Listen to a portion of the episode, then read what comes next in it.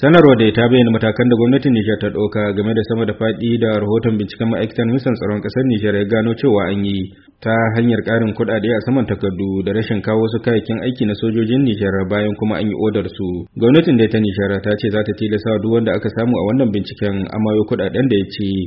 To kuwa gungiyoyin fararen hular Nijar ke kallon wannan matakin Alhaji Salisu Amadu mamba ne a ƙungiyar fararen hula da ake kira Sogolle Nijar. Ba mu gamsu ba bisa kan abubuwan da shi matakan.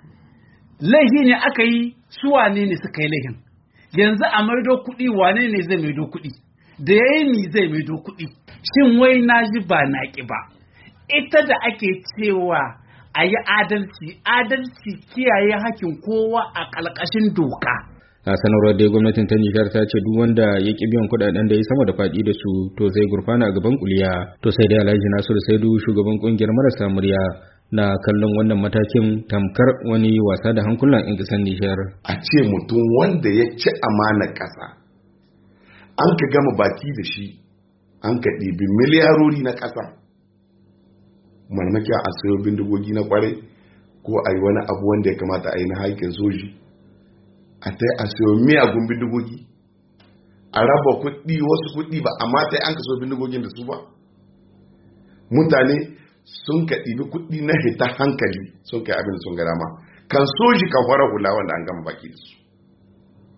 Yau marmakin gwamnati shi hito shi ce mutane mun ba da takardun nan ga hannun shari'a. Za ta hidda haƙƙin ƙasa da 'yan ƙasa. Kai har ma sojoji waɗanda sun ka mutu saboda wannan laifi na 'yan ƙasa. Sai a hito a ce mutane wai za a lallaba mutane su biya.